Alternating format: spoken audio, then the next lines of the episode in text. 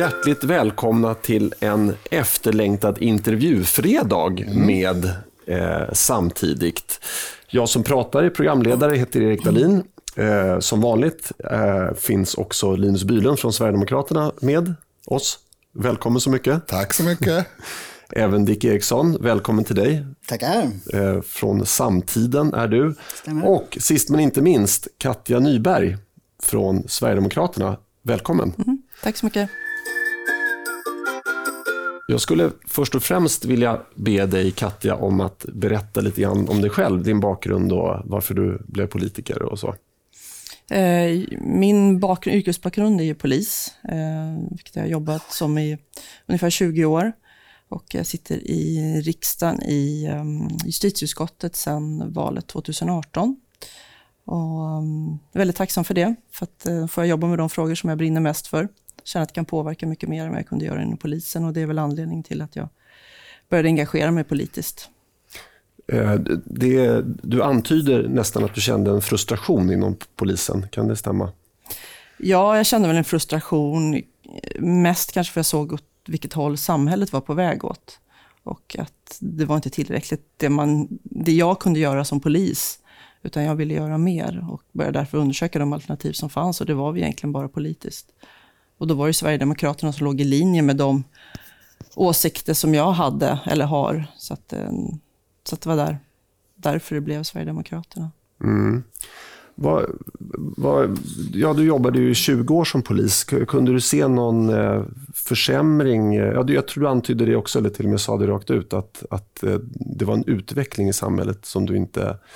gillade. Var, var det liksom lättare att vara polis för 20 år sedan än, än det är idag, tycker du? Ja, det var det ju. Det kändes ju, de här utanförskapsområdena som har växt och blivit mycket större nu än vad det var när jag började jobba som polis, de fanns ju redan då, men det var inte alls på samma sätt. Man kunde ju åka in där utan problem. Eh, och, men idag så gör man ju inte det på det sättet som polis. Man åker inte in i de områdena om man inte vet, om man tar ett syfte eller vad, och så vidare. där. Ehm, så det har utvecklats åt fel håll. Men undv du menar man undviker det som så reguljär patrullering? Ja. Men inte, men inte om det händer någonting? Nej, men alltså självklart. Det finns ju polisstationer och poliser som är i området, men man kan inte åka in på samma sätt som man kunde när jag började Nej. som polis och bara röra sig där. Utan det har utvecklats till mer parallella samhällen som vill hålla, hålla allt vad handlar om statlig makt utanför. Mm. Så det är skillnad på Sverige och Sverige? Ja, jag märker skillnad. Eh, absolut. Mm. Det, det märktes under den tiden som jag jobbade som polis. Och jag kunde även åka in eh, i, som privatperson ifall man hade något, något syfte, eller syfte man hade någon anledning var det inte så att man rörde sig där väldigt ofta, men det, det var liksom inte så så som den utvecklingen som har blivit, det var inte alls på det sättet. Då. Det, det, bodde, det var mycket lugnare och det mm. gick att befinna sig där på ett helt annat sätt än vad det gör idag. Så att, um... Men kan man säga att attityden mot polisen var, är liksom, var även dålig då, men inte kanske lika grov? Eller är det... ja, attityden var nog densamma, men kriminaliteten och sättet, alltså, det har ju utvecklats och blivit mycket större. Mm. Att det har ju blivit mer utbrett. Jag har ju, mm. märkte ju när jag jobbade som polis ute, att speciellt, jag jobbar, har jobbat ganska mycket som civil polis, men alltså ute. Och då märkte man ju även den här typen av attityd som finns hos samma personer idag. Mm. Men att det är mycket mer utbrett och de vill ju verkligen hålla allt vad som handlar om polis och ordningsmakt eller vad det nu må vara. Det är deras område. Mm. Och i och med att de är fler så har de också större makt ja. och större möjlighet att Precis. pressa det svenska rättsväsendet. Ja, precis, för att det, är ju, det man inte får glömma här att de flesta som bor där ändå, och så är det ju även idag, det är ju alltså människor som bara vill leva sitt liv mm. och de vill ha ett bra liv. Det är inte så att alla som bor i de områdena är kriminella, mm. men de har ju fått en större inverkan och eh, det är ju främst tragiskt för de individer som bor där. Mm. Eh, och har, de har, känner ju också en oro och har, har barn som eh, ja, kanske kriminella och de vet inte när om en son kommer, kommer hem levande och så vidare. Så mm. det, mm, ja. Mm. Um, kan du dra dig till minnes någon särskilt skrämmande händelse uh, som du upplevde uh, som patrullerande polis? Då? Ja, det har ju varit en del vi skulle kunna ta någon specifik händelse. Ehm, men generellt så kan man ju säga det som var mest jobbigt tyckte jag när man jobbar som polis. Och man, man, många tror så här, patrullerande polis, att då är, det liksom, då är man ute och jobbar och det är då det är som tuffast. Och det kan det vara, självklart. Man hamnar i många situationer eh, och så vidare där det kan hända grejer. Men det skyddet man har när man jobbar i uniform, det är att du får en distans på något vis. Att du, de ser det här är en polis. Det blir liksom, ett, man får mer respekt. Mm. Men när du är ute och jobbar civilt, då, då har du inte det skyddet. Och det blir egentligen en tuffare situation ifall du är ute och konfronterar. Däremot jobbar du kanske som spanare, då är du ju inte ute och konfronterar folk på det sättet. Men när du är ute och jobbar, som jag till exempel jobbade ganska mycket med narkotika, och då jobbar man ju civilt och det var mycket klubbmiljöer och så vidare och krogar och sådär. Man var inne ja, på olika ställen och sådär. Eh, och då rör du dig med de här riktigt grovt kriminella personerna Eh, som kommer utifrån de här förorterna. Och där märker man att det var det många gånger man var tvungen bara att hålla en balans för att det inte skulle totalt, totalt urarta situationen. Och de kunde ju mörda en, man kände ju det, det var ju sånt hat. Du är polis och kvinna det spär ju på ännu mer. Och det, nu var det ju manliga kollegor kring också, men det blir ju liksom det här hatet. Och speciellt, det kan vara en situation som jag kan ta, vi hade varit inne i en lägenhet Ehm, och eh, hitta narkotika, vi hittar vapen och så vidare. Och det överraskningsmomentet vi hade när vi gick in, när vi går in i de här lägenheterna, det är att vi går in bara så, pang bom, liksom, och säkrar upp allting, för att annars så hinner de ju göra saker. Och då var det ju var någon som låg och sov och hade vapen på på nattduksbordet och från andra som festade. Och det var, det var liksom väldigt rört, men att man fryser hela och, och när det är narkotika så går det så fort också. De kan spola ner, de kan slänga och så vidare. Så man fryser allting. Men de var väldigt många i den här lägenheten. Vi visste inte att de var så många. Eh, och vi var ju tvungna att få iväg de här och vi ringde piketen för att få hjälp med, eh, för att transportera bort dem, men det tog lite tid. Så det slutade med att vi fick ju ta dem vartefter då, då, så att vi blev av med folk, för vi kunde ju liksom inte hålla hela den här lägenheten hur länge som helst. Och då blev det jag och en kollega till mig eh, som blev kvar. Vi stod med, det var två eller tre eh, busar som vi hade kvar. Vi stod nere i, i, i, trappen och väntade på att piketen skulle komma. Och då kände man bara den där situationen när man står och håller och försöker hålla kontroll på de här personerna. Och det, det är liksom så hårfint. Vi kunde inte ens avvisitera den, för då, då, då brakade det totalt lös. Mm. Det var bara att försöka hålla någon balans här. Och de, man, de liksom visste inte själva heller hur de skulle hantera det här, för det här är ändå poliser. Gör vi någonting, då är det allvarligt och så vidare. Men så, så det var väldigt jobbigt. Men sen kom eh, piketbussen och det var liksom så här, skönt.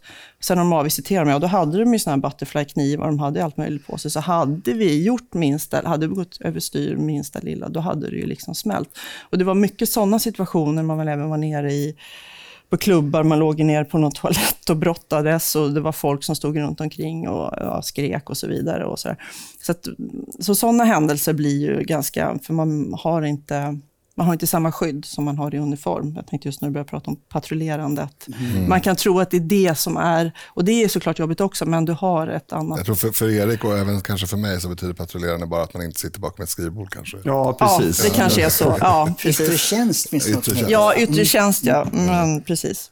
Det är väl lite så. Men, men det är väl händelser som har varit ganska jobbiga sådär. Och när man har um, för det är svårt att larma och så vidare. Och jag vet, jag var även inne på en, skulle avvisitera, eller jag skulle, det var en kille som hade, jag skulle avvisitera honom, um, för jag ville se om han hade narkotika på sig, så jag tog in honom på toalett.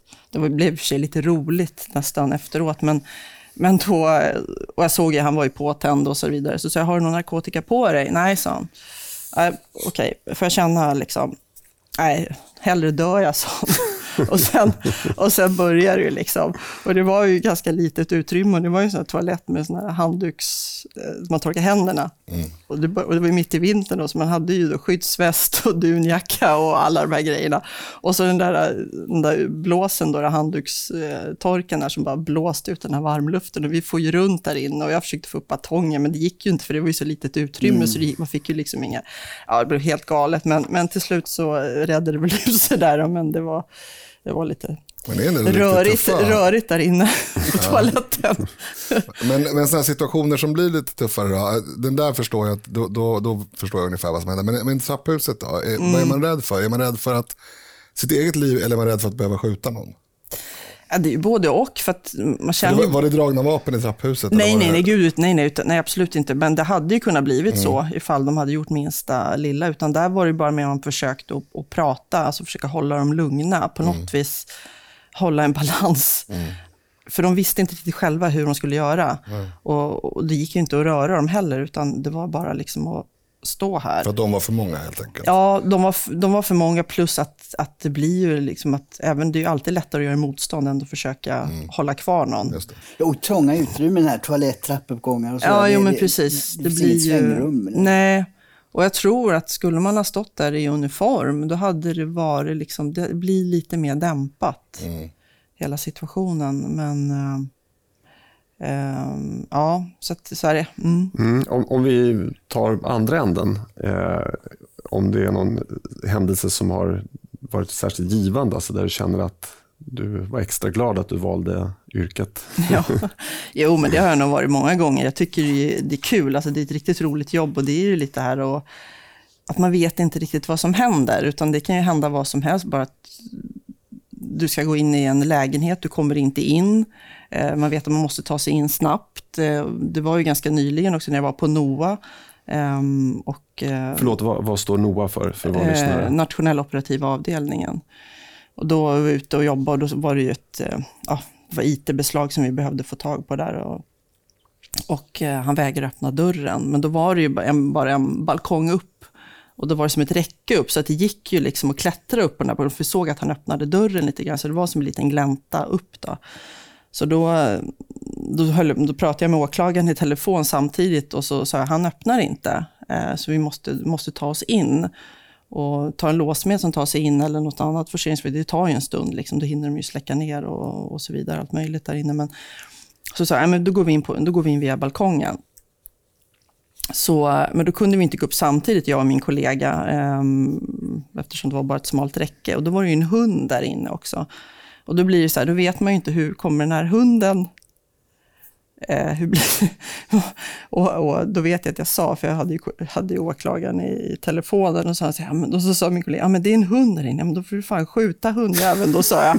och det visade inte, men nu, nu var hund, det var, blev ingen fara med den här hunden, det var lugnt liksom. Men vi kom in i lägenheten, men de här sakerna är ju lite roliga, för då får du liksom försöka hitta en lösning och komma in. Och man vet ju inte, det, oftast går det ju bra, men det kan ju bli någonting som inte går bra heller. Mm. Så sådana grejer är roligt, men jag vet en händelse som eh, jag kommer ihåg det, men det var nästan lite så här...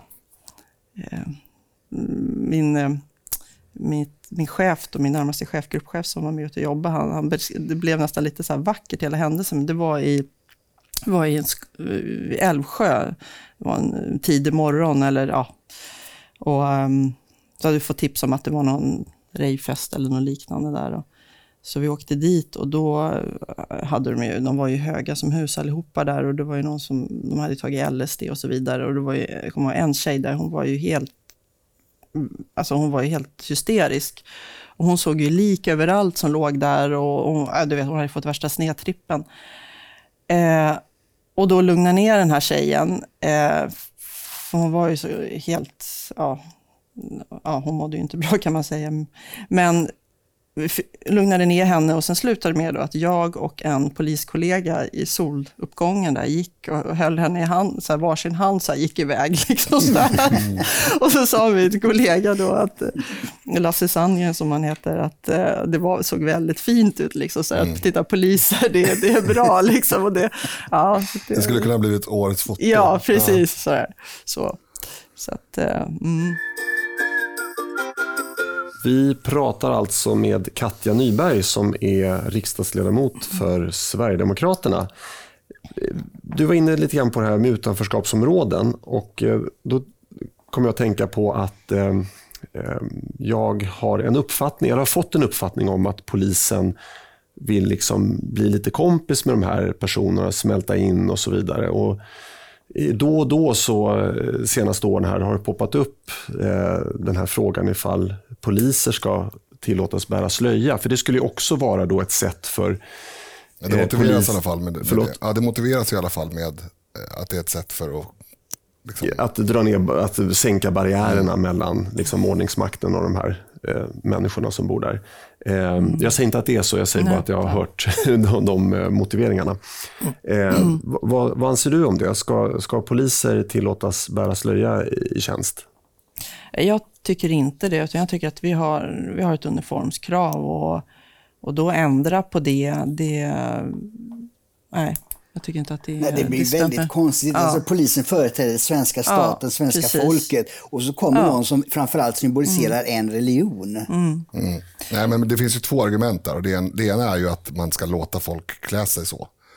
Eh, även om de är bra på poliser. Och det, det är ju ett argument som jag tycker är bara skitsnack. Är man i Sverige eh, och har valt att flytta hit så väljer man att ta scenen dit man kommer. Och mm. i vårt land så har poliser inte några stora eh, religiösa eller politiska attribut Nej. på uniformen. Men det andra argumentet, att det skulle vara någon eh, liksom sänka barriären för att komma, mm. komma närmare, närmare mm. det, det faller ju på sin egen orimlighet. Mm. Alltså, de människor som bryr sig om någon har slöja eller inte, de bryr sig mm. väldigt mycket om någon är kvinna eller inte också. Mm. Eh, eller om någon är polis eller precis. inte. Eller massa andra saker. Så det är ju bara det är ett efterhandskonstruktionsargument. Ja, precis. Det är ju inte männen som bär slöja, utan det är kvinnorna. Liksom, och det, jag vet inte om det skapar någon mer respekt för att de har slöja på sig. Sen, nej, utan un, vi har en uniform och det, vi ska bära den uniformen. Så att säga. Så att det, då får man ju... Då får man ju, vill man bli polis, då får man acceptera det helt enkelt. Mm. Så att, eh, nej, jag tycker inte det. Nej, eh, men... Eh ja, det, det, det, är ett principiellt argument. Men eh, annars så, om, om, man, om man lägger det principiella åt sidan, tror du att polisen skulle nå större framgång i utanförskapsområdena eh, med den här typen av eh, närmanden? Nej, men det är inte det det handlar om. Att, att, alltså, svensk polis har ju vi har ju ett väldigt högt förtroende generellt sett och de här personerna som inte har det här förtroendet för polisen, de kommer inte få mer förtroende för att någon bär slöja. Utan jag kan kanske tänka mig att till och med blir snarare tvärtom, att det blir ett förakt på något vis, att, att man har eh, för är du kriminell, då föraktar du polisen. Och då om det kommer då en, en, en, en, kvinna då som bär hijab, att du då helt plötsligt skulle tycka att det var bättre än att det kommer en annan kvinnlig polis som inte bär hijab. Ja, för jag menar, de kommer ju märka i alla fall ifall den här är då en muslimsk kvinna som, som, som kan, kan prata arabiska till exempel, ja men då kommer de ju märka det ändå. Så att, mm. ja, det, det, handlar liksom mm. inte om att du bär hijab eller inte, utan det, det är helt andra saker som man behöver jobba med i så fall. Mm. Ja, men Intressant. Eh, nästa fråga då. Får jag bara lägga till en liten mm. sidofråga som är lite besläktad med den. Eh, nu har jag sett eh, exempel på när dialogpolisen gör saker som jag tycker har varit bra. Eh, vi har haft goda kontakter med dialogpolisen i framförallt möten och, alltså torgmöten och valstugor och annat. Men, mm. men det, det, finns ju en liten raljant ton gentemot själva begreppet dialogpoliser och, och lite kopplat till det här bli kompis med buset och sådär. Mm. Hur ser du på hela den strategin? Alltså det, det beror lite på vad syftet är, vad, mm. vad, man vill åstadkomma. Handlar det om att skaffa en uppgiftslämnare? Ja, det är klart, då måste du få en, få en bra relation till dem. Och även i en förhörssituation så är det bättre att ha en bra relation till den du håller ett förhör med, än att du skapar ett avstånd. Eh, så det, det är väl klart, men det här med att man ska ha eh, tro att man kan minska kriminaliteten genom att ja, inom citationstecken, bli kompis med buset, det, det, det tror jag inte på. Utan däremot så kan det vara bra kanske att man har en relation. För att få ett ansikte till exempel till en polis, att du har, eller att ja, det här är Kalle och man vet vem det är, man har pratat lite mer om, då kanske det är svårare att vara dra vapen till exempel, eller göra några sådana saker mot, mot den här polisen. Men generellt sett så, så, tror jag inte att det, det, är rätt väg att gå, att, att man ska bli kompis med polisen. Utan poliser har, polisen har ett högt förtroendekapital i, i, i Sverige som det är idag. Och det finns ju den här kampanjen Sluta skjut som de har bland annat kört i Malmö. Eh, och det kommer ju från USA och där så ska man ju då be buset om ursäkt, har man ju sagt. Eh, Och jag kan, I USA så är inte polisen, det har ju varit nu ganska mm. nyligen mm. också, med, mm, vad var det, Min, Minneapolis, eller vad var det någonstans mm. det hände? Ja. Eh, och så funkar inte svensk polis. Vi har inte det. Eh, där är alltså systematisk diskriminering av svarta. Det har ju pågått under, under många, många år. Och, och den typen av eh, diskriminering och så vidare, det finns inte i Sverige. Utan, så att det här med att man ska be buset om ursäkt, det Ja, det finns väl något fall för liksom 20 år sedan där, där polis, ja. en enskild polis hade skäl att be offrets familj om ursäkt. Jag tänker på Osmo Vallo till exempel. Ja, men precis. Men, men då är det ju liksom, det, det, finns ju ingen anledning för svensk polis att be buset i förorten om ursäkt. Nej. Tvärtom. Det... Men det här med respekt, för, för att jag reagerade starkt mot när jag såg poliser i uniform hoppa en sån här eh, borg för barn. Mm. i uniform. Mm. Alltså jag, jag reagerar starkt mot det. Jag tycker det inte är att upprätthålla respekten för ordningsmakten. Hur ser du på det? Nej, det blir ju lite förlöjligande. Så självklart ska man kunna bjuda på sig själv även om man är polis. Men det här att man tror att man på något vis ska kunna... Eh, att kriminaliteten ska gå ner genom att man eh, ja, bjuder på saft och bullar eller varmkorv. Vi har ju också den här Aina-polisbilen. Ja, ja men precis. Det, och, och, och, det blir ju, blir ju löjligt. Sen så är det klart att man i vissa sammanhang så ska polisen också synas. Kanske man kan ställa upp någon, ja, att man vill rekrytera mm. nya och så vill folk komma och prata och så vidare. Så att, såklart så kan det vara bra, men inte, inte, man kan inte tro att kriminaliteten går ner genom att göra sådana saker. Och det, det, det är fel väg att gå. Jag, jag kan känna att det, det, att det kan till och med sänka respekten för ja. eh, polisen bland brottslingar som jo. ser de här bilderna. Ja. Alltså, de, det, där är bara leksakspoliser. Ja, men precis. Och, och jag menar, de kriminella vet ju vad polisernas uppgift är. Mm. Det är att stävja kriminalitet. Så att... Um, mm. Det handlar ju om en respekt. Däremot mm. så kan man ju skapa en relation. Man kan försöka, alltså att man är ute och jobbar, att man kan, då känner man igen samma personer och då pratar man med dem. Och det var ju, det var ju så det var mycket innan eh, innan omorganisationen med gatulangningsgruppen och sådana saker, att de jobbade ju i sina speciella, de hade ju vissa områden de jobbade i och då lärde de ju känna folk där och de kände igen varandra, så det blev ju liksom, ja, det blev, på så vis är det ju jättebra att ha den relationen. Mm. Sen är det väl också lite beroende på hur pass förhärdad brottsling vi pratar om. Självklart. Eh, till exempel minns jag när vi var liksom 15-16 år, jag och mina kompisar, du hade ju, vi hade ju besök av eh, polisen i våra, där vi höll till jätteofta, men det var ju mm. inte för att eh, stävja något brott i, mm. i första ledet, utan mm. att skapa en, en, mm. Eh, någon typ av dialog. Så att vi inte skulle begå brott. Ja, så skulle, och det är ju såklart rimligt. Absolut. Men att göra det om vi skulle sitta där med varsin AK47 och, och med nej, massa knark, det är ju jättekonstigt. Ja, nej men, det, det, de, nej men precis. De, mm. de har ju redan kommit så långt i sin kriminalitet, så de, de bryr sig inte om det överhuvudtaget. Nej. Men jag tror eh, det här med att hoppa i en hoppborg, eh, det tror jag är farligare att göra idag. Därför att idag har ju alla mobilkamera. En, en, en, sån grej. Ja, det här såg jag ju på sociala medier. Ja. Det var inte meningen att det skulle Nej. publiceras. En, en, en, sån grej kanske man skulle kunna gjort på 70-talet eller 80-talet mm. som en mm. polisjippo. För det var ju, om inte mm. Sveriges Television var där och filmade så var det ingen annan där och filmade. Nej. Eh, så att jag, jag tror ja. att... men jag, tror, men, men jag, det, tror, jag tror att tanken i det fallet är att skapa för, för, det finns ju, precis som Katja säger så är det ju väldigt många i de här områdena som absolut inte är kriminella. Mm. Men det finns ju en utbredd dålig syn på polisen även bland de icke-kriminella. Mm. Eh, och, och det, kan, det kan ju vara orsaken till att man då vill kanske visa sig på någon mm. eh, särskild dag där det finns hoppborgar och, och, mm. visa barnen att det här är inga farliga. De kanske får höra att det här är fienden och så visar det sig att de hoppar hoppor. Ja. Jag säger inte att det är rätt. Nej, jag säger bara att det kan finnas liksom andra skäl än mm. att bara förlöjliga sig själv. Jo, men det är klart att det blir att man får en annan syn på polisen, att de är inte så farliga för att man har blivit matad med det av polisen. Bla, bla, bla. Så det är klart, men eh, å andra sidan har, finns den tiden att hålla på med det. Det finns så mycket andra saker Precis. som vi behöver lägga fokus på. Så frågan är om det ger det resultatet man vill ha. Det är det jag tänker, att, det, att man kanske uppfattar det som slöseri med, med viktig tid. Ja, mm. och det är kanske små saker i sammanhanget, men ändå. Nu vet inte jag om polisen håller på så mycket mer, gör så mycket sådana där saker, men det har ju varit vissa tillfällen och då har de ju fått blivit ganska hånade också för, mm. för Även internt är det väl? Ja, eller, ja, internt vet jag inte, kanske inte, men, men det, det det är nog många som kan tycka att är det här mm. verkligen det vi ska hålla på med? Om, ja. om det, ja.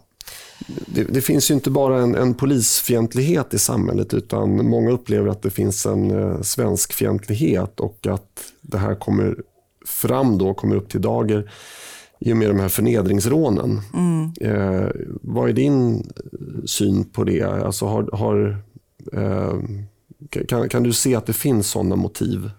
Eh, mer än bara att man vill råna någon på dens jacka utan att det finns också det här momentet, mm. Eh, inslaget att man vill förnedra den man mm. rånar. Eh, Jo, men det är ju mm. tydligt. De här, de här rånen, föreningsrånen som har varit, det har man ju hört bara vad de, har, vad de har kallat dem för och hur de har betett sig och, och mot de här personerna. Det är ju ren förnedring. Det är ju inte bara att de vill ha telefonen eller jackan eller vad det nu är för någonting, utan det har ju fortsatt efter. Eh, och, och, det här är ju något som... Eh, alltså det, det, det är ju grova brott och det behöver ju straffas hårdare än vad det gör idag. Och det jag skulle kunna tänka mig att man skulle kunna göra för att få, att det inte bara anses som ett rån, utan att det är en inslag av både rasism och, och eh, förnedring, det är att om det skulle då klassas in, i normalfallet då som ett eh, normalgraden av, eh, för ett rån, att man kanske då skulle kunna döma det som grovt rån istället, så att det blir en extra, eh, ja, att det blir ett extra påslag så att säga, för, för den förnedringen och som, som har skett.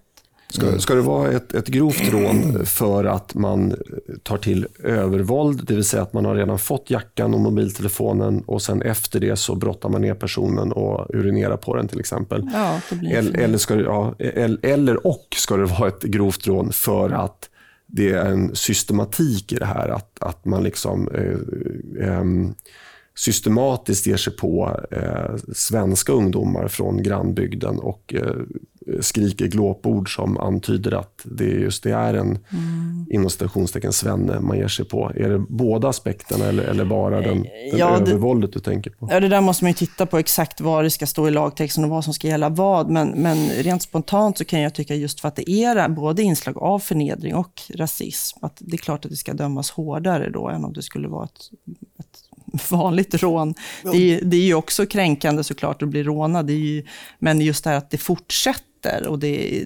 det tar ju helt abnorma proportioner ibland av hur det har slutat för dem. Ja, ibland. Eh, det var ju ett uppmärksammat eh, brott här i höstas. Eh, det var just det här urineringsrånet. Mm. Då jag anser att de kidnappade honom också. Mm. För de drog omkring med honom i tre ja, timmar. Mm. Och jag förstår inte varför inte åklagaren är, mm. tuffare mm. och lägger fler, brottsru fler brottsrubriceringar till domstolen. Mm. Mm. När det gäller, för bara säga, när det gäller inslaget av rasism, alltså att eh, om jag minns lagtexten rätt, uttrycka missaktning på grund av en annan persons eh, etisk, etniska börd eh, och så vidare. Då finns det ju faktiskt hets mot mm. folkgrupplagen och jag mm. tror att i teorin i alla fall skulle en åklagare kunna driva det mm. som, som ett av liksom rekvisiten för att få det till grovt rån ja. till exempel. Ja, för du sa att det var ju bara i i prejudikaten som det stod, att ja, det skulle, vara, jag, med, som som, skulle vara minoritet. Precis, va? som jag har förstått det, mm. nu har inte jag grottat ner mig det på ganska Nej. länge, men jag tror inte att det ändrats. Som jag har förstått det så är det inte sagt att det måste vara en minoritet mm. eller sådär. Mm. Utan eh, att visa missaktning mot, att, att begå ett mm. brott på grund av att någon har mm. en, en särskild eh, bakgrund mm. är ju, tror jag i alla fall, teoretisk grund för, för att det ska gå Ja, för skulle man vända på det och det skulle vara svenska ungdomar som gjorde samma sak mot ungdomar med, med, med invandrarbakgrund. Då skulle det ju vara en helt annan sak. För då skulle det ju bli att ja, men det här är ju rasism och så vidare. Ja, vi har ju sådana fall på 90-talet. Ja. Eh, det var ju ofta som det var, jag ska inte säga att det var en vecka med löpsedlar, men det var, det var i alla fall stora uppslag och det var det var riktigt medialt tryck också och det ser vi inte heller här mm. i de här rasistiska handlingarna utan här ser vi snarare nedtystande. Mm. Medan, medan när det var skinnskallar som gav sig på någon för att den var till exempel svart och kanske tog mobiltelefonen mm. om den hade någon, eller plånboken, då, då var det ju inte själva rånet som var i centrum utan det var ju rasismen. Mm. Och det borde ju vara, rimligen ja. vara samma Självklart. sak åt andra hållet. Mm. Ja, det, finns, det finns väl många fall, och det, jag vet inte hur du har sett i din, i din vardag då att, att det är det är ju också rasism mellan olika minoritetsgrupper. Mm, mm. Jag kommer ihåg ett fall där en, eh, pappa blev nedslängd från en gångbro med, med, och hade en liten son på två, tre år. Mm. Och först blev det omskrivet, men sen tystades det ner. Mm. Och då visade det sig att det, det var då eh, de, eh, gärningsmännen var från Mellanöstern och, och pappan var från Afrika. Mm. Men mm. då tystades det ner, för då var det ju mm. rasism emellan. Mm. Innan, ja, och det, det, det, tar inte medierna i. Nej, nej. Men ser man det i polisarbetet? Nej, just det här du pratar ja, om nu. Precis, ja, grupp mot Nej, grupp. ja, det är klart att det finns. Det, det, det, det, det, finns ju. Det är klart att man ser det. Och det är väl också ett av de här problemen med utanförskapsområden, att, man, man, att olika grupper och även flyktingboende och allt sånt där, att det är olika grupper som har interna strider i sina hemländer, hamnar under, mm. under samma tak eller i samma områden och så mm. vidare. Det är klart att det också skapar, skapar problem. Eh, så att, ja. Nu har vi pratat lite grann med, ska jag säga, Katja Nyberg, Sverigedemokraterna, riksdagsledamot. Och vi har pratat lite grann eh, om eh, de här eh, eh, aspekterna kring eh, segregation och sådär. Eh, och då går det ju kanske att gissa att det finns vissa uppfattningar inom poliskåren att migrationen har haft betydelse för kriminaliteten i samhället. Och, och det är ju, Sverigedemokraterna har ju, det är ju det enda partiet som har egentligen drivit den linjen under lång tid. Eh, men då kommer, det, då kommer min fråga. Går det att göra karriär inom polisen ifall man uttrycker åsikter som ligger i, i linje med Sverigedemokraternas? Alltså, I det stora perspektivet så handlar det ju mer om lämplighet. Men tittar man eh, Eh, alltså, då, men tittar man på det mindre perspektivet, då är det klart att då har man till exempel en, ens närmaste chef, kan ju kanske ha åsikter som, inte, som går helt emot att man är sverigedemokrat. Och då är det klart, då kan det bli lite tufft. Eh, om man vill gå vidare eller att man vill ha någon utbildning eller vad det nu må vara för någonting. Och, eh, men, och det här är såklart, det sipprar ju ner då även till alla som jobbar i, eller alla, men ska säga poliser som jobbar i, i verksamheten, att man, man håller kanske tyst om sina åsikter då. För mm. att man vet inte.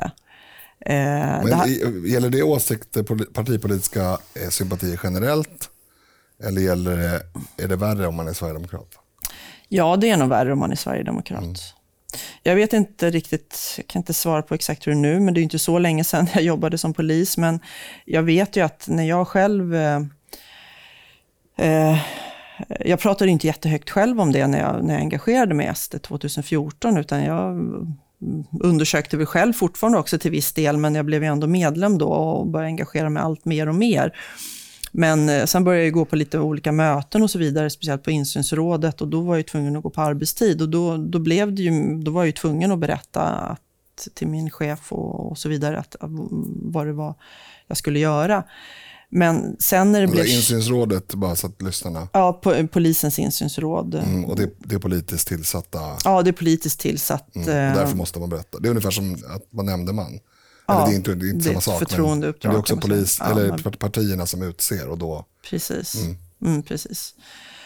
Eh, och, eh, men däremot när det blev känt att jag, att jag kandiderade till riksdagen, då då kom det ju flera kollegor och även fick mejl och telefonsamtal och meddelanden och så vidare som, som, som gratulerade och även kom in på mitt rum och så vidare. Men, men ville själva inte stå för det, att de var det. Eh, så att däremot så, samtalen i fikarummen och så vidare, där, kunde man ju, där var det ju många som hade, pratade på samma sätt. Och, och, det tycker jag är tråkigt, att man inte vågar, att man inte kan stå det. Det var ju även Polisförbundet och jag tror inte de har ändrat på det heller fortfarande att man inte får eh, vara aktivt engagerad i, i facket om man är medlem i, i Sverigedemokraterna. Ja, ja, ja, även polisfacket har det. Ja, och jag tror inte de har ändrat det. De skyller på sina stadgar och vad det nu var för någonting. Det var för ett år sedan vi var på, på middag där. Då frågade jag faktiskt eh, hur det var med det där. Eh, nu har de ställt in den här middagen på grund av corona. Det skulle vara nu här i juni. Men Men, och det, men jag känner för sig inte att Polisförbundet har något problem med Sverigedemokraterna så, men, men just, just att man, man tog det beslutet på det sättet, det visar ju också att man inte riktigt kanske vågar gå ut och säga att man är Sverigedemokrat. Mm.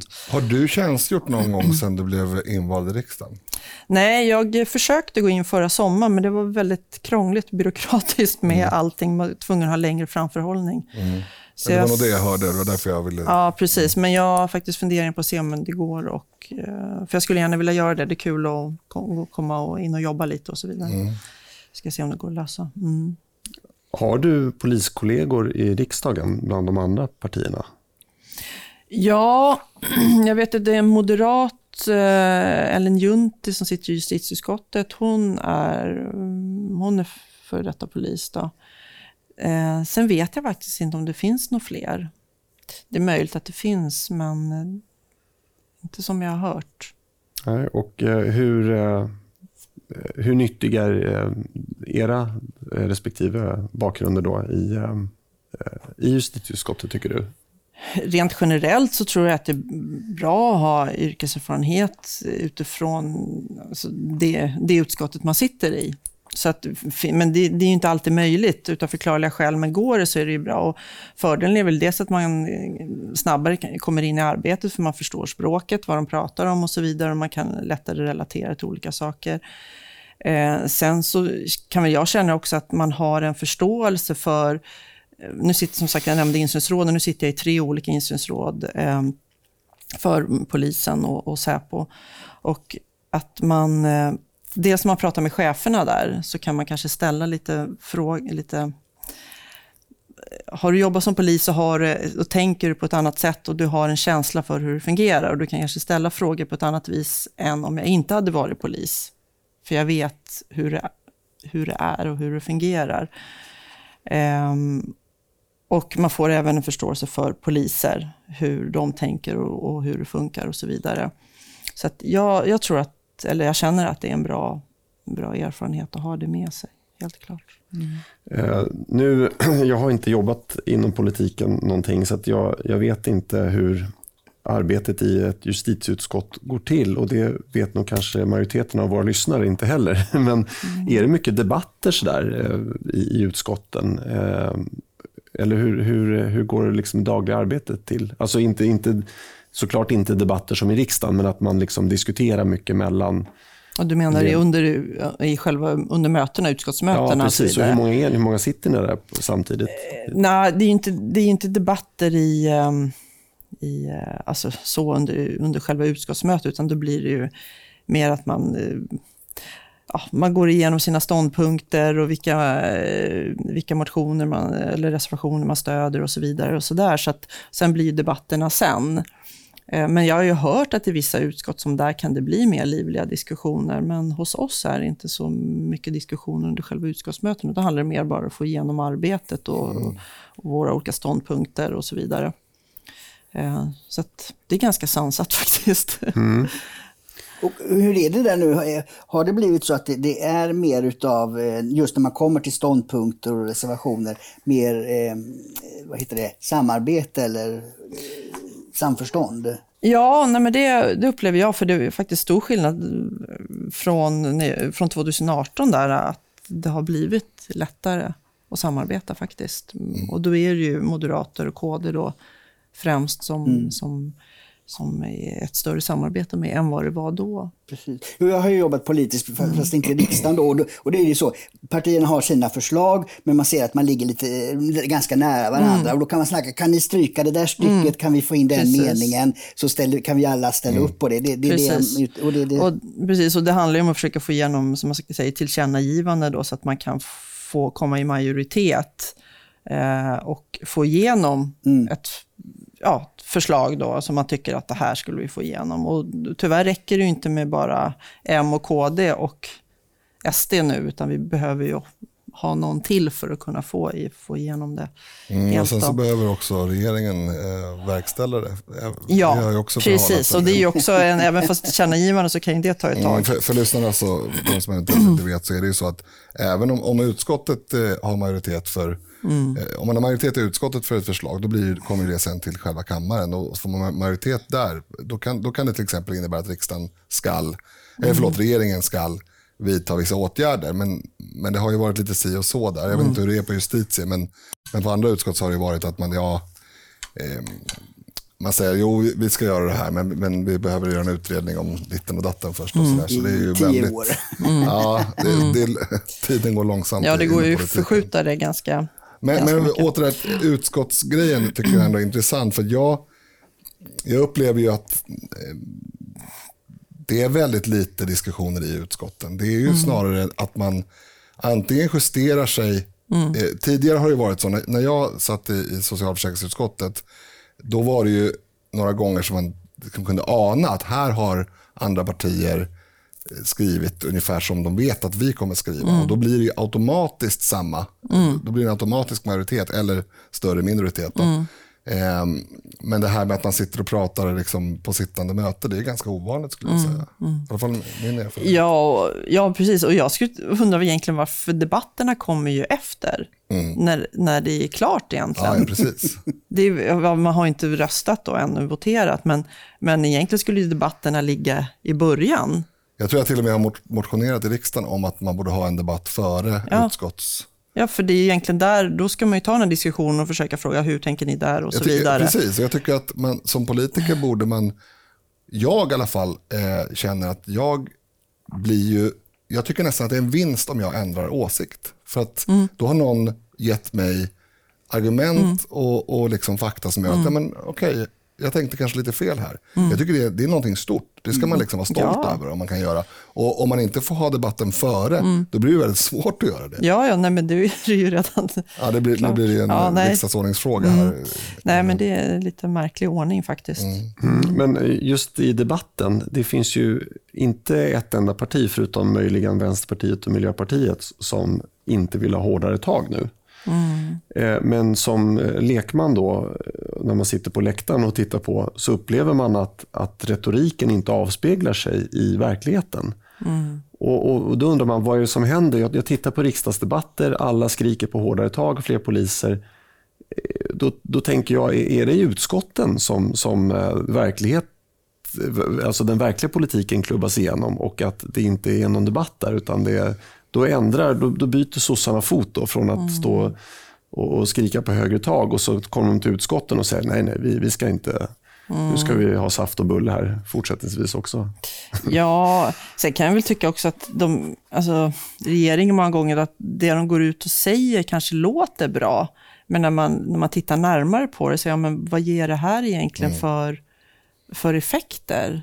Att man kan höja liksom grova brott, men du höjer kanske straffskalan för grovt, grovt brott, men inte normalgraden, fastän det är egentligen normalgraden där de flesta brotten begås. Mm. Då man, vad är syftet med det här? Är det bara, det, det är bara spel för galleriet? Mm.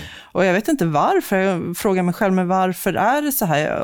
Om det är så att det inte finns tillräckligt med anstaltsplatser, att man inte vågar dra igenom hela, eller att man är rädd för att det ska bli att det inte finns eh, möjlighet eh, att eh, domstolar inte har resurser. Alltså vad det är för något, att man tänker ett längre perspektiv, mm. och därför, men man måste ändå göra någonting. Och då tar man det som, liksom, ja men det här, då verkar det i alla fall som att vi gör någonting. Men det ger inte så mycket effekt. Nej, mm. precis. Men vi har ju mm. sett ganska nyligen utspel när Socialdemokraterna säger att vi, vi, vi är partiet som står för liksom, att ta hårda tag mot brottsligheten. Mm. Man, man baxnar ju över den skamlösheten som ändå måste bot det här ändå måste bottna i. För de mm. vet ju att det är de som har ställt till den mm. situation vi har idag. Mm. Och att då säga att man är partiet mm. för någonting mm. som är tvärt emot, det, det finns ju... ett gammalt ordspråk, tomma tunnor skramlar mest. Ja, verkligen. Ja, ja, mm. ja faktiskt. Men, men ja. kan det här, att, att du inte heller liksom riktigt förstår logiken bakom eh, de olika förslagen, kan det också vara att du, precis som jag, eh, har levt för länge i verkligheten.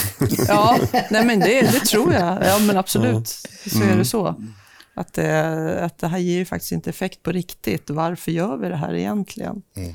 Eh, sen finns det ju såklart saker som har drivits igenom också som ger effekt. Men, men, men ibland undrar jag verkligen vad, vad är syftet med den här lagändringen? Kommer det verkligen ge någon större effekt?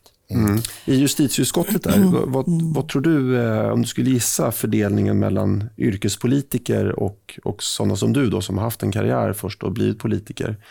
Nu, nu, nu är det svårt att säga, det kan ju vara någon som har jobbat yrkesverksamt i fem år. Eh, Är det en yrkespolitiker? Jag tänkte precis säga det. Ja, Alltså, det om man var polis ja. för 30 år sedan så är det såklart att det är bra. Men det kanske inte är lika så att säga, kraftfullt i dagliga arbetet som Katjas bakgrund som ändå gick från uniformen till kammaren. Nej, precis. Jag, jag tänker mer, eh, oavsett vad man har för yrke bakom sig, men alltså hur... eh, Eh, alltså att man har i princip din bakgrund att, att övervägande delen av ens liv har varit yrkesverksamt. Nu får du svara. Ja, ja tack. Nej, jag vet faktiskt inte hur många... Den enda som jag vet som har, ja, det är ju Ellen då, som är tidigare polis. Men, eh, och sen om det är några andra som har yrkesbakgrunder som har jobbat med andra saker. eh, Faktiskt, man har liksom inte den kontakten på det sättet med övriga... Man ju gå, gå, ja, man är på sina utskottsmöten och sen kanske man har lite kontakt i och med att man ska ha med olika betänkanden och så vidare. Men, men det är inte så att man sitter ner direkt. Och det är väl vissa som jag har... Ja, någon som jag har pratat med, så jag vet hon hade nog jobb- jobbat med brottsoffer förut. En del och så vidare. Jo, det är ju så med utskotten Ja. att, att det, det kan ju vara eh, en rad yrkesbakgrunder som är relevanta för respektive utskott. Precis. Eh, Och, och just i, i eh, justitieutskottets fall så är det ju är det ju massa både jurister och annat som teoretiskt skulle kunna vara en, en yrkesbakgrund som ändå var till nytta. Men, men andra utskott är ju som socialförsäkringsutskottet som jag satt i och många andra utskott, där är det ju extremt stora Då, må- då blir det väldigt smalt. Har du en yrkesbakgrund som passar det, ja, då passar det kanske en tjugondel av frågorna. För att det är så väldigt breda utskott. Men just eh, justitie och kanske finans och sådär, där kan det ju finnas en, Mer en väldig nytta med att ha en yrkesbakgrund. Ja, nej, men det är ju, eh, jag, jag kan uppleva att det är ett eh, växande problem det här att, att man inte har kontakt med verkligheten. Och, men, men du har alltså inte upplevt det konkret då i utskottet att här sitter en massa personer som aldrig har eh, jobbat inom eh, skråt eller något närliggande? Alltså jag tror nog, nu som sagt är det högst, jag har inte, kan inte svara på om det helt stämmer, men min känsla är att de flesta inte har jobbat med någonting som är egentligen relaterat till det. Men jag kan ha fel också, men det är bara den känslan jag får. Eh, att det Vi kan är, konstatera att Sverigedemokraterna har i alla fall eh, en mindre andel personer som har jobbat med politik i 30 år. Och det, det har ju sina förklarliga skäl. utan det är fler som har yrkesbakgrund. Förklarliga, ja. Och, nej men, och det tror jag oavsett är bra om du har jobbat, att du har en yrke, var du, vilket utskott du än sitter i, att du har en yrkeserfarenhet, att du inte bara har gått direkt in på den politiska banan, så är det såklart, tror jag att det, det, det är nog bra. För er som till äventyrs har glömt bort vem vi pratar med så heter hon Katja Nyberg och hon är före detta polis och numera riksdagsledamot för Sverigedemokraterna. Och du Dick Eriksson, du skulle vilja ställa en fråga till Katja har jag ja, förstått. alltså, jag tycker det är väldigt intressant det här. För jag tror anledningen till det vi, det vi pratade om förut här, att det läggs ganska marginella förslag från politiken medan i grunden ändras ingenting. Och det tror jag beror på att kriminologin på universiteten, kriminologerna, är ett skrå som är vänstervridet, väldigt vänstervridet. Och eh, de ser brottslingar som offer och eh, många i det politiska etablissemanget håller ju med. Don Eliasson som ju var rikspolischef satt ju i en morgonsoffa och snyftade över en mördares, vad han haft för bakgrund och liksom det perspektivet att det är synd om off, eller brottsgärningsmännen mer än, än de som har drabbats av brott. Och jag, min uppfattning är att kriminologin ligger bakom detta. Eh, hur, hur ser du på kriminologin och den, den här teoretiska bildningen bakom brottsverksamheten? Alltså jag tror ju oavsett vilken politisk ideologi man har, så tror jag att man, alltså har man inte varit ute i erfarenheten, att man har jobbat med det och sett det, så tror jag att det är lätt att man får en vriden uppfattning av hur det är och vad man behöver göra. Eh, och det, det kan jag tänka mig att det blir, eh, det finns ju som Stefan Holgersson, han är ju eh, polisforskare. Han är ju både polis och forskar. Eh, och han har ju liksom, han ser ju båda sidorna. Och jag vet ju att han, han är inte alltid så populär bland polisledningen. Och, eh, även, han kom ut med en rapport som sågade Brå ganska rejält. Ja, just det. Ja. Och, och det är klart, då, då, då, då, det ses ju inte med blida ögon. Så är det ju. Men, eh, ja, men eh, jag tror ändå att moraliskt sett så tror jag de flesta liksom vill värna brottsoffren. Att det är det man vill göra. Men debatten blir många gånger fel. Att man hamnar på, på gärningsmännen istället och ser deras roll i det hela. Och, det, och har man varit ute och jobbat och sett hur det, här, hur, hur det funkar och hur det är, då får du en annan syn på det. Att självklart så har de en bakgrund och det finns saker som de har varit med om allt det här. Men man kan inte ta hänsyn alltid till det i den omfattningen som görs, utan man måste ändå se till brottsoffret och värna. Ja, och rättssystemet ska ju ta hänsyn till att du har valt att begå ett brott. Ja, Det har ju precis. alltid gjort. Man har ändå ett fritt Ja, val. Liksom. handlingen är det som ska stå i centrum. Precis. Eh, Men jag skulle vilja påstå där, eh, och det är väl lite min käpphäst för er som följer podden, att det är medias fel. Nej, men det kanske var en överdrift. Men jag tror att det som Dick pratar om, det är ju inte bara kriminologskrået, utan det är den del av kriminologskrået som faktiskt får en eh, nästan citationstecken stjärnstatus i media. Att de är väldigt, väldigt eh, politiserade och sådär. Men kriminologer i allmänhet behöver inte vara det för det. Jag menar. Nej, precis. Eh, Nej, det är möjligt att i och med att man inte följer vad som kommer från universiteten, eh, de rapporter som försvinner eh, kanske är mycket kloka än de som syns. Sen finns det ju kriminologer, men många poliser har ju, har ju läst kriminologi och så vidare. Och då har de ju både och, båda sidor. och så- Men det beror ju på med de här forskarna, om det, det är någon du tänker på. Som kommer, mm. Ja, eh, återgå till eh, sakpolitik då. Vad, vilken, vilket område tycker du att Sverigedemokraterna skiljer sig mest från övriga partier? Ni, ni antar ju att eh, ni till och med kanske är överens med Vänsterpartiet i vissa frågor, men i några frågor kanske ni står helt ensamma. Ja, vad vet jag? Ö, Du menar, vad sa du, övriga, med övriga partier? Ja, precis. Är, det- är, det- är det någon fråga som bara ni driver, så att säga, där, där ni känner att ni inte får något gehör? Nej, alltså jag tycker att vi har...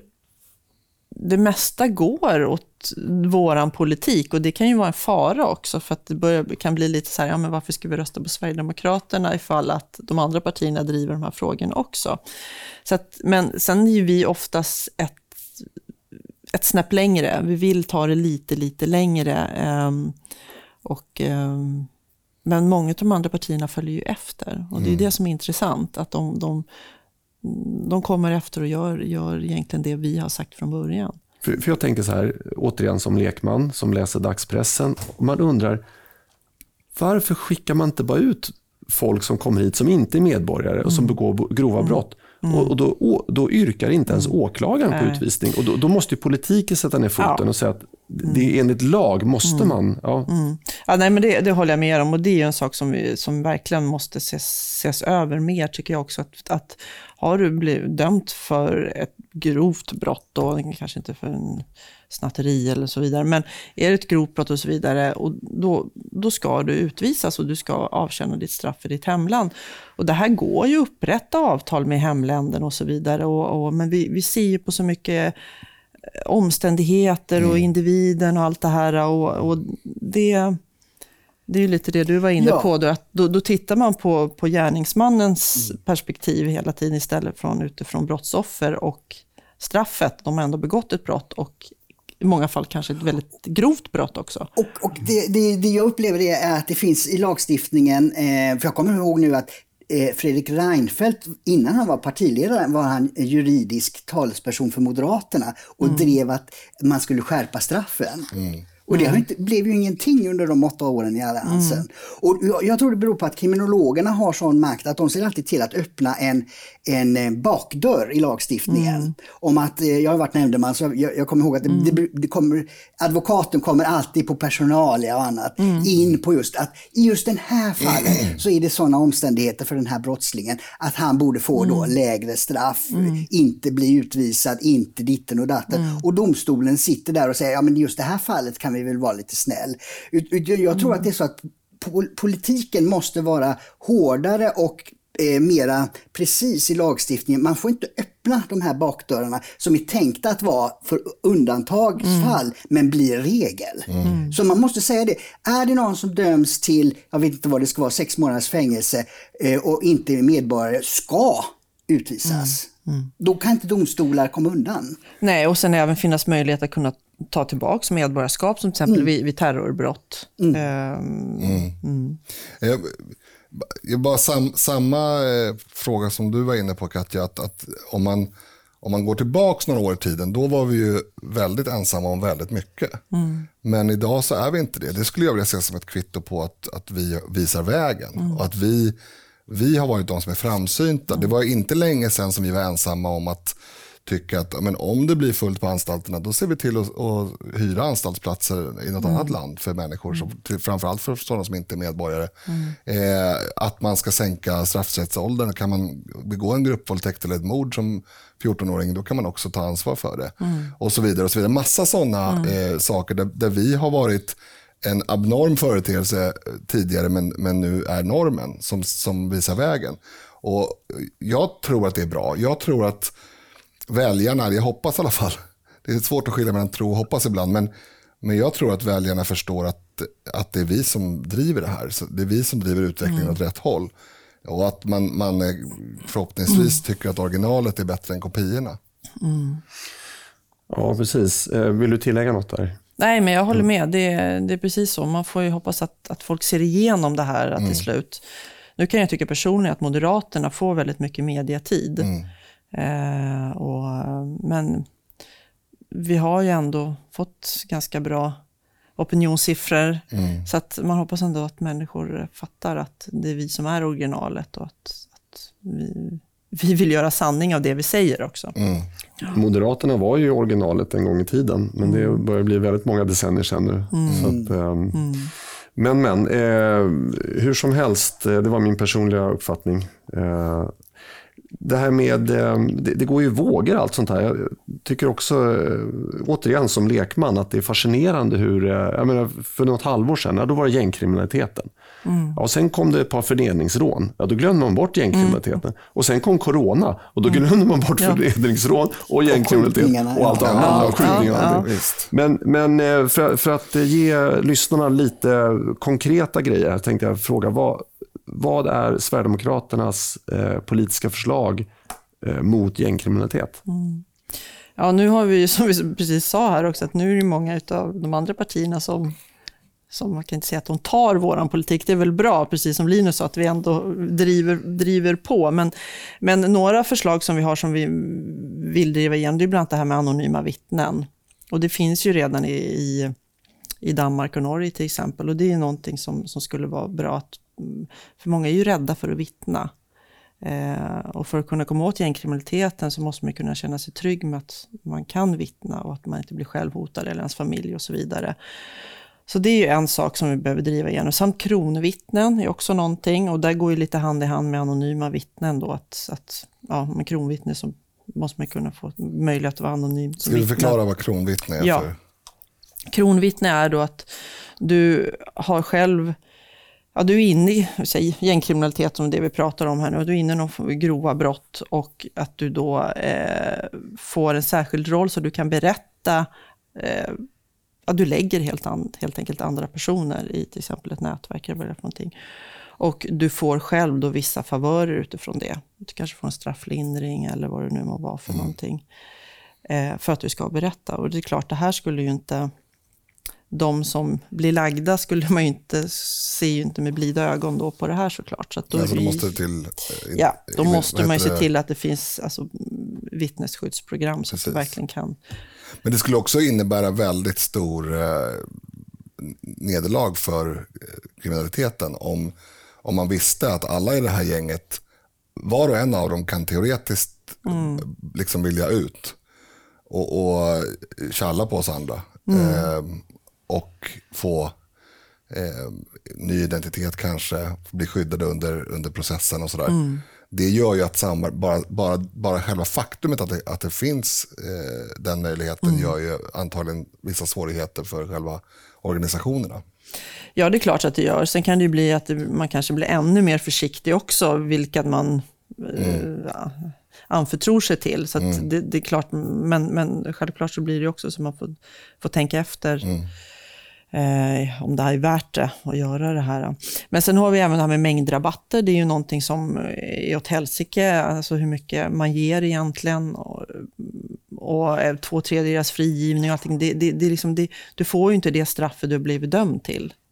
Utan, Mängdrabatter är att om du går, begår kanske fem grövre brott så, mm. så blir det inte de på varandra Nej. i strafföljd. Utan... Nej, precis. För man lägger inte på varandra. Eh, det ackumuleras inte så, utan då, eh, då tar man då kanske det grövsta brottet så får du lite till och så vidare. Men, men eh, och, och, det är ju, där måste man ju också se, för det kan ju inte vara att man ska bara lägga brott på brott på brott på brott, utan där måste man kanske också se över hur det ska funka, att man kanske har ett normalgraden, att har du gjort flera brott, ja men då får du maxstraffet på grovt brott till exempel, alltså någonting sånt. Ja, det blir ju lite farligt ja. när man får 483 år i fängelse. Och sånt. Ja, nej, det är ju liksom löjligt. Det, ja. det, så det, det, funkar inte. Men, nej, men de delarna också, plus det här med eh, att med, med hur man ser på straffmyndighetsåldern. För det är många av de här grovt kriminella idag som är väldigt unga och har varit kriminella under lång, lång tid. Mm. Så att det är någonting vi behöver, behöver se över mer. Det finns mycket, även det här med utvisningar vi pratade om, mm. att, eh, att, att uh, utländska gärningsmän ska ska utvisas. Och sen det här med eh, samarbete mellan olika myndigheter och socialtjänst och sådär. Mm. Eh, för att i Malmö har man ju nu eh, då har ju hyresvärden där, det kommunala mm. bolaget, har ju, har ju då börjat mm. säga upp hyresgäster vars familjemedlemmar kastar sten. Mm. För då hittar de någon paragraf, ja. liksom, att ja, men mm. om du skapar oro ja. i området så har du inte, det, det är liksom en grund mm. för uppsägning. Mm.